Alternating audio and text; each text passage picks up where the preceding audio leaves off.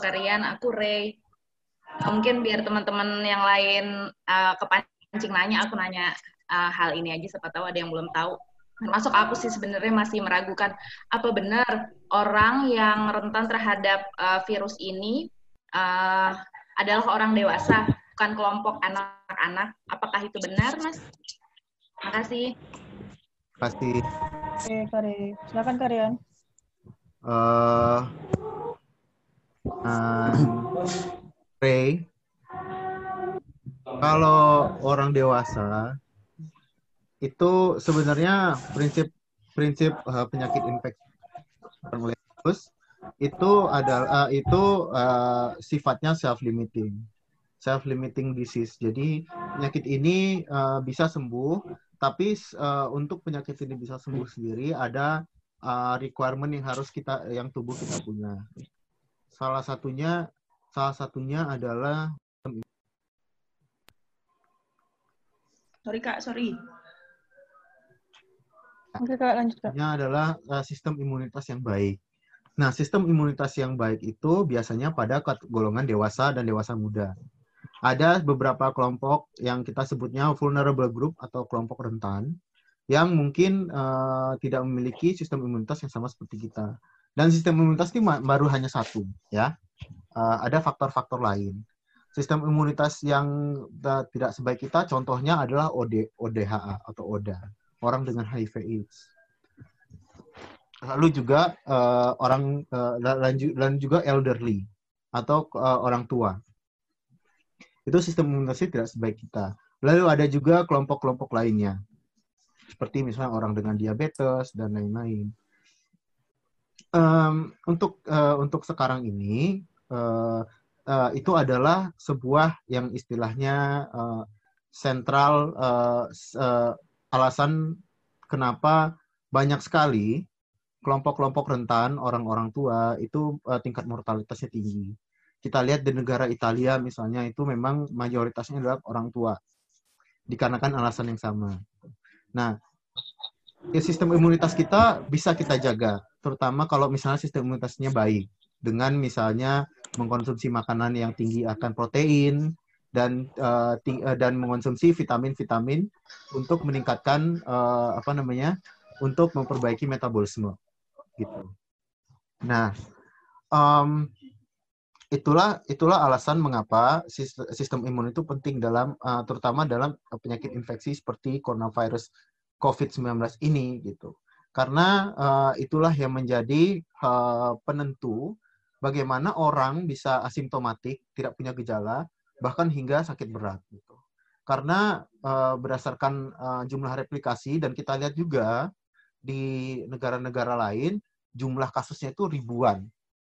Tapi yang menentukan uh, tidak hanya kita dalam melakukan apa namanya melakukan pencegahan tadi, tapi ketika ada orang yang karena karena situasi ini akan menjadi lebih buruk. Saya bisa katakan itu karena memang banyak sekali pemodelan di luar sana yang mengatakan jumlah kasus kita akan terus bertambah gitu.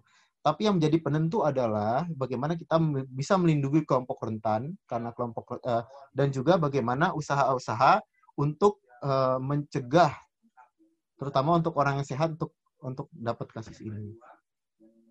Jadi betul, uh, jadi betul kenapa dewasa muda itu justru yang bisa kena kena uh, kena kasus yang banyak. Tetapi ingat penentunya adalah sistem imunitas. Maka dari itu tidak hanya kita sebenarnya kalau misalnya memang kalau misalnya kebijakan ini dipikirkan sedemikian rupa, tidak hanya orang biasa saja yang dilindungi, tapi juga perlindungan ekstra terhadap kelompok rentan. Kita sebutnya vulnerable group gitu. Karena uh, mereka lah yang mendapatkan outcome yang buruk dari kasus ini gitu. Gitu. Oke, okay, thank you Karian. Untuk Kak Ray terjawab ya. Halo. Dijawab ya, Kak. Oke, Kak. Sementara cukup dulu. Makasih. Oke, sama-sama. Halo, uh, Kak. Halo. Iya, halo. Kenapa, Kak? Gimana, Kak? Mau nanya, Kak. Hmm. Oke, boleh. Silakan, Kak.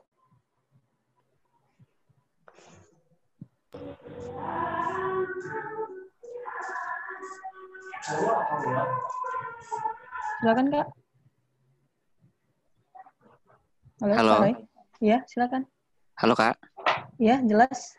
Jelas, ya. pertanyaan Kak. Ah, emang saya kan ada baca beberapa artikel mengenai penularan via udara Kak ya. Jadi saya baca itu eh, selama tiga jam katanya penularan itu berada di udara. Tapi dari statement Kak katanya itu eh, tidak benar. Terus apakah di dalam di ketika dia berada di udara eh, itu dia langsung mati ketika ada eh, sinar matahari atau seperti apa? Hmm, terima kasih. Ya, eh, terima kasih pertanyaannya. Memang eh, airborne transmission atau transmisi via udara ini eh, cukup kontroversial juga. Tapi kalau misalnya berdasarkan data yang terbaru, itu tidak terjadi. Airborne transmission itu tidak ada. Jadi dia virusnya tidak menular dengan udara. Aplikasinya adalah ketika misalnya seperti yang saya sebutkan tadi, ketika teman-teman berada dalam satu ruangan, misalnya, ruangan itu ditempat, eh, ditempati 3 sampai 4 jam sebelumnya oleh orang yang terkena COVID, lalu orang itu keluar dari ruangan tersebut, lalu kalian masuk, itu tidak akan terjadi penularan, ya. Eh, jadi tidak ada terjadi airborne transmission. Nah, tapi ada beberapa kelompok seperti yang saya bilang tadi, kelompok rentan yang perlu adanya precaution terhadap airborne transmission. Nah, di sini layanan kesehatanlah yang menjadi fokus utama. Kenapa?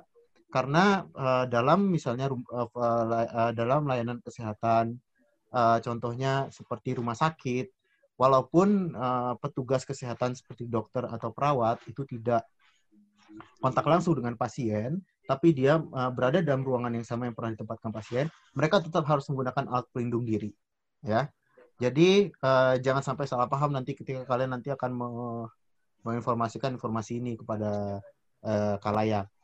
Airborne transmission tidak ada, tapi ada precaution untuk kelompok-kelompok tertentu, terutama nakes, tenaga kesehatan.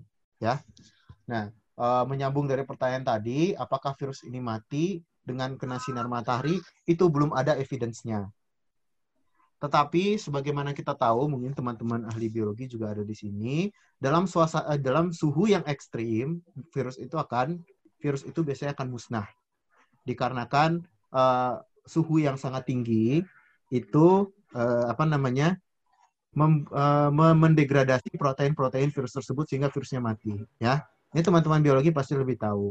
Nah, aplikasinya adalah mengapa kita lakukan mengapa eh, kalau misalnya bisa tidak hanya kita semp- eh, semprotkan desinfektan pada utilities mis- eh, yang kita pakai sehari-hari, tapi bisa kita rendam dalam eh, air rebusan. Ya, jadi kita melakukannya seperti misalnya kita nyuci misalnya mencuci eh, kompeng atau misalnya eh, dot eh, anak bayi. Jadi menggunakan air mendidih. Nah, itu akan meng- me- mengeliminasi virusnya. Karena itu tadi kalau misalnya kita rebus airnya hingga mendidih, proteinnya akan degrade dan virus itu akan mati.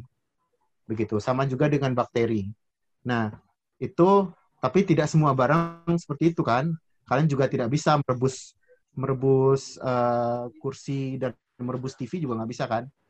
Nah, makanya dilakukan desinfektan gitu. Jadi antara dua itu. Gitu. Saya rasa kalau misalnya kalian memang ber- eh, dengan misalnya ti- tinggal dengan misalnya eh, nenek atau kakek gitu ya, dan kalian juga merupakan dewasa muda gitu, kalau bisa jangan eh, jangan sharing alat makanan. Kalaupun sharing harus dicuci dengan air mendidih, contohnya gitu.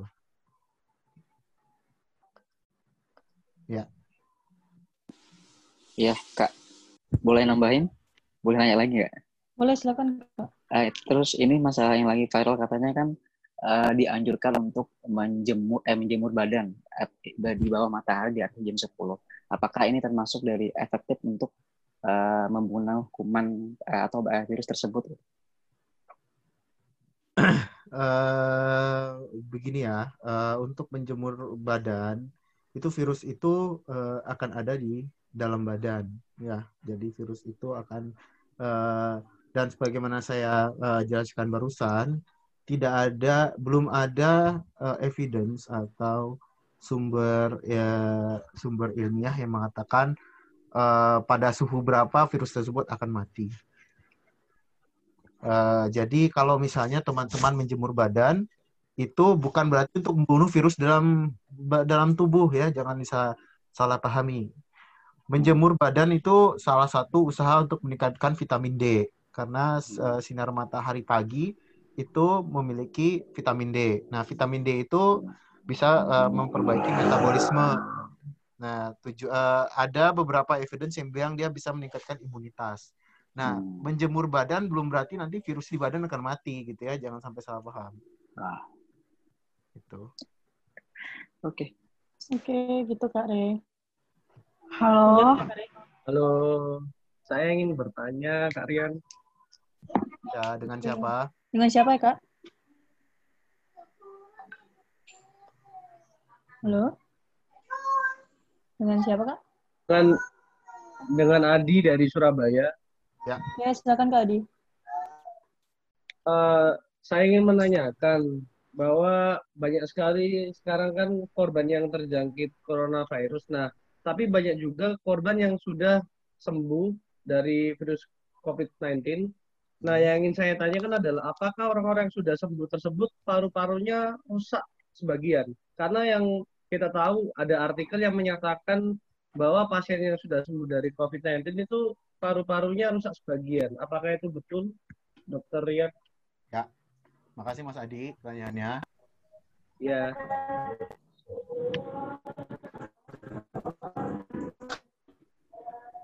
Kalau paru-paru yang rusak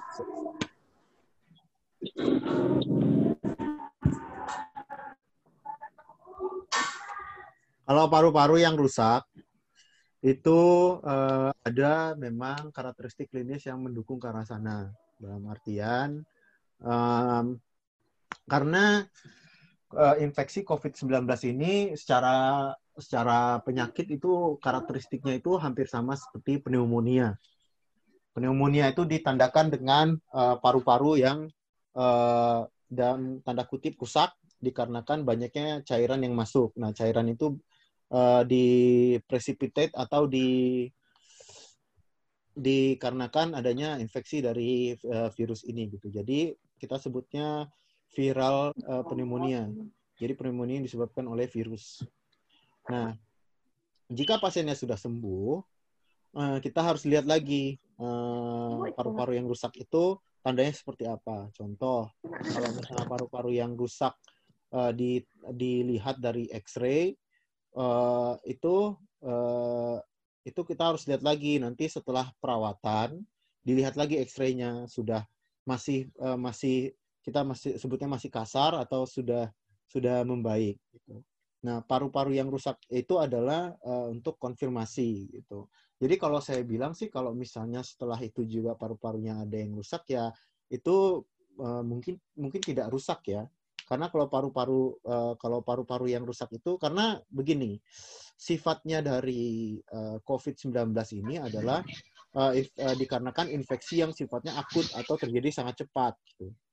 Berbeda kalau misalnya kalian uh, kalau ada orang yang terinfeksi paru-parunya karena merokok, kita sebutnya itu PPOK misalnya, penyakit paru obstruktif kronis. Nah, paru-parunya itu rusak uh, dikarenakan sel-selnya yang mati akibat uh, akibat paparan terhadap karsinogen atau uh, uh, apa namanya substansi-substansi uh, yang ter terkandung dalam rokok yang dapat menjadi racun. Nah, paru-parunya jadi rusak. Nah, kerusakan paru-parunya itu adalah akumulasi dari lamanya dia merokok, seberapa intensnya dia merokok, satu hari dua bungkus misalnya, selama 20 tahun, selama berapa puluh tahun, selama berapa tahun, seperti itu. Jadi kalau misalnya setelah COVID-19, paru-paru yang rusak tersebut eh, masing-masing uh, orang ter, tergantung sekali dengan hasil ronsennya itu tadi. Maka dari itu uh, maka dari itu ada pasien yang sembuh, sembuh misalnya dia sudah bisa bernapas dengan baik, sudah tidak ada demam, sudah ada, tidak ada ini lagi dan paru-parunya bersih. Nah, kalau untuk yang paru-parunya rusak kita lihat lagi uh, paru-parunya rusak itu apakah benar dari COVID-19 karena secara klinis sulit sekali kita bilang kalau paru-parunya kalau secara klinis jarang sekali kita lihat orang yang masih kena pneumonia terus tiba-tiba dinyatakan sembuh eh tapi paru-parunya masih kerendam gitu masih masih ini gitu. kurang lebih itu jadi uh, penentunya adalah ap apakah ada komorbid atau penyakit yang lain karena kalau misalnya COVID-19 sendiri dia kalau sembuh paru-parunya biasanya harusnya sudah bersih dan sudah tidak sesak intinya gitu. Halo. Si Dokter Rian. Sama-sama. Ada pertanyaan Halo. lagi?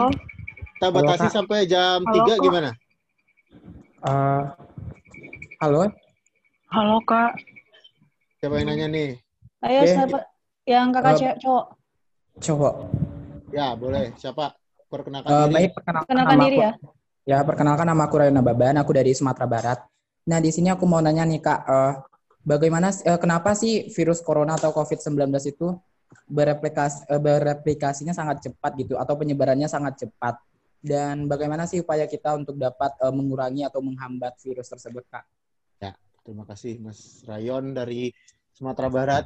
Ah, em, virus ini bisa bereplikasi secara cepat karena sebagaimana yang saya jelaskan tadi, virus ini adalah virus R- eh, virus RNA. Virus RNA itu eh, dia tidak lebih stabil dari virus DNA. Pertama dia gampang sekali bermutasi. Jadi makanya kita temukan eh, coronavirus 1 bermutasi jadi coronavirus 2. Nah, coronavirus 2 inilah yang kita eh, hadapi sekarang gitu. Kenapa dia cepat ka- sekali bereplikasi? Dikarenakan eh, apa namanya virulensinya yang sangat-sangat kuat. Gitu. Replikatif. Jadi salah satu indikator eh, untuk menentukan virulensi ada replikatif number yang kita sebut eh, eh, R0 namanya. Eh, replikatif number ini adalah ketika kita bisa basic reproduction number. Ketika kita ketika kita bisa menentukan apabila satu orang terkena COVID, nah berapa kali lipat dia bisa menginfeksi sekitarnya. Gitu. Nah ini adalah prinsip-prinsip eh, kesehatan masyarakat yang dinilai dari secara epidemiologi.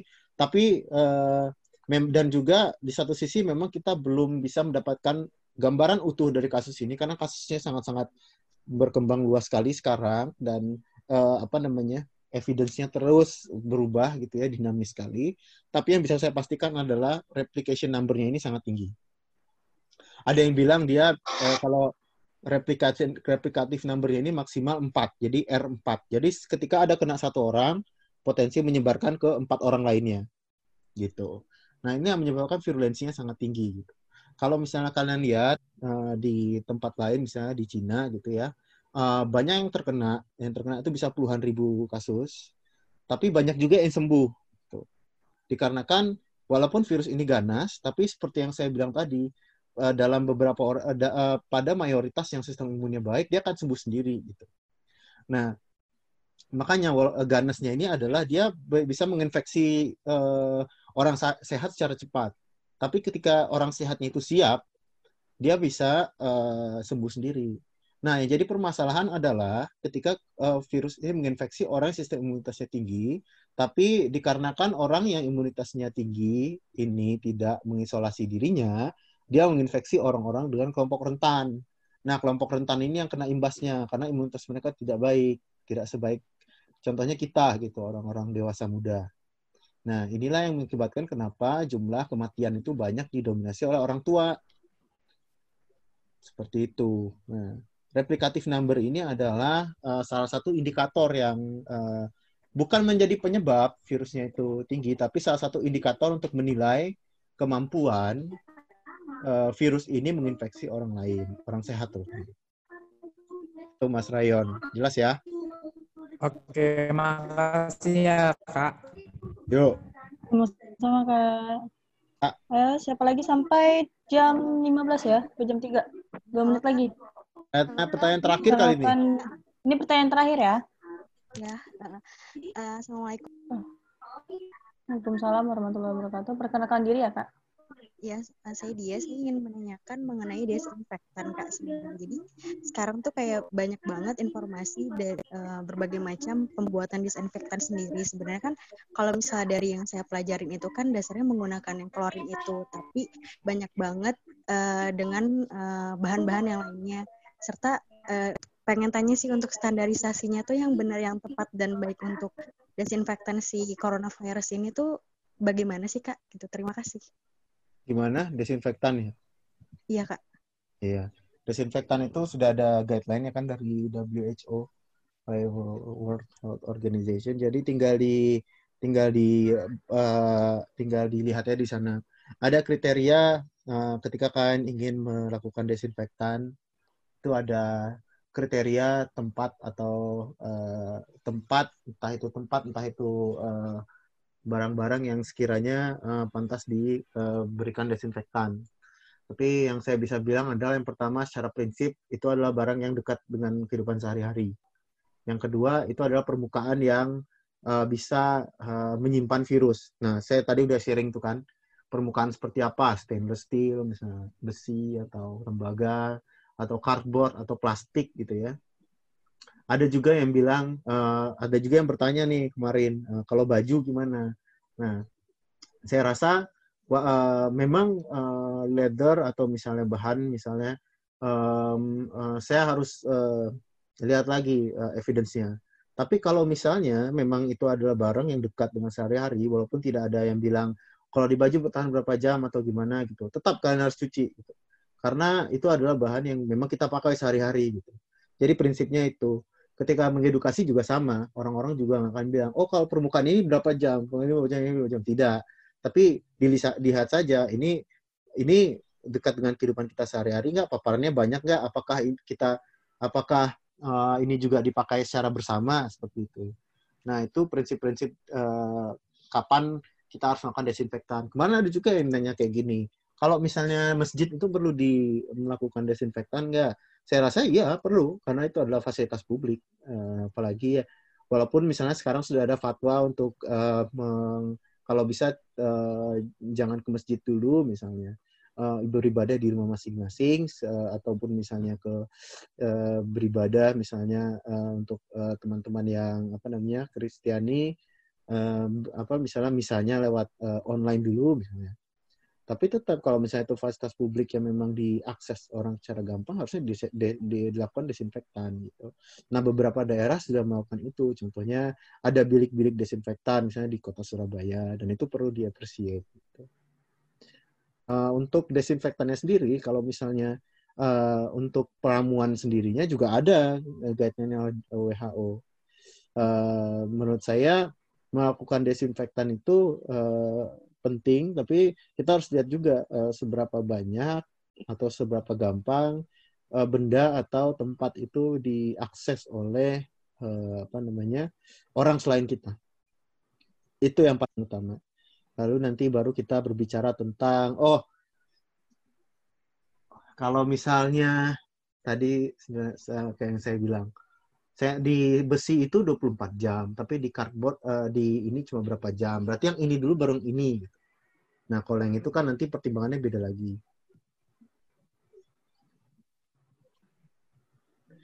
Kurang okay, lebih okay. begitu. Oh, oke okay, kalian mungkin dia pengen ke lebih ngarah standar pembuatan disinfektan gitu deh, Pak? Iya, standar desinfektan itu ada guideline-nya sendiri.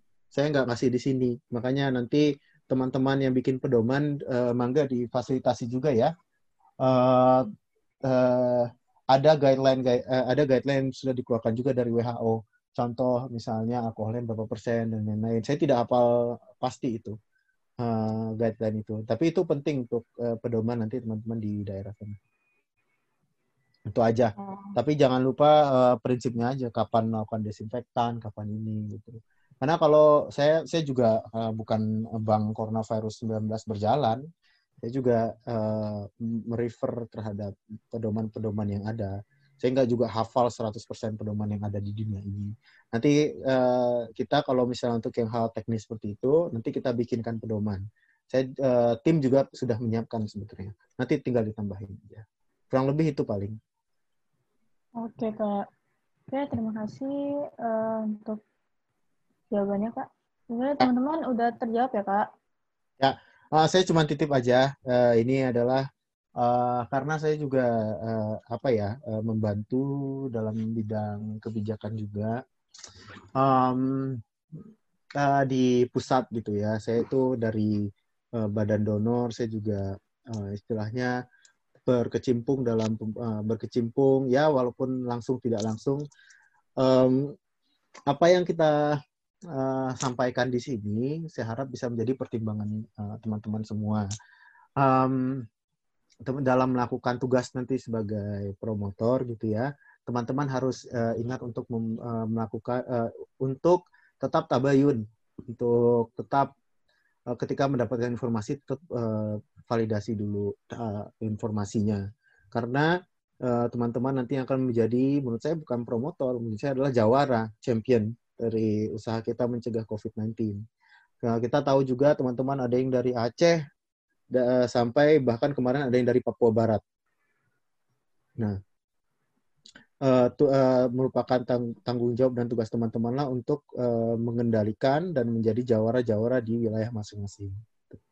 Uh, uh, uh, sebagaimana pembuka saya tadi, kalau misalnya belum terjadi wabah, ya belum terjadi wabah, semua usaha pencegahan itu dinilai berlebihan. Tapi sudah datangnya wabah, semua usaha pencegahan dinilai kurang. Gitu. Jadi jadi yang pertama, baru jadi yang kedua, ya. Itu titip pesan uh, titip pesan saya uh, wilayah teman-teman itu ada tanggung jawab teman-teman nanti. Jadi please be aware, uh, tetap uh, uh, tetap mengaplikasikan ilmunya, ilmunya itu divalidasi dulu dan se, dalam konteks keterbatasan sekarang ini tetap utamakan prinsip, gitu. ya kurang lebih itu.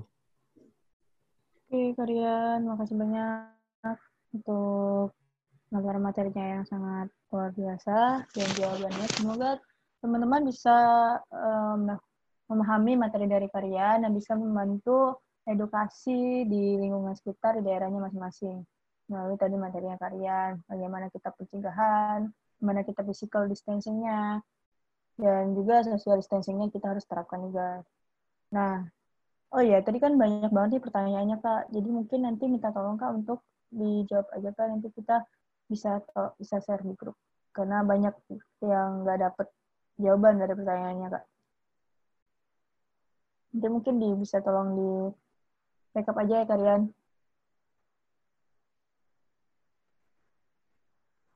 Halo kalian? Ya. Oke.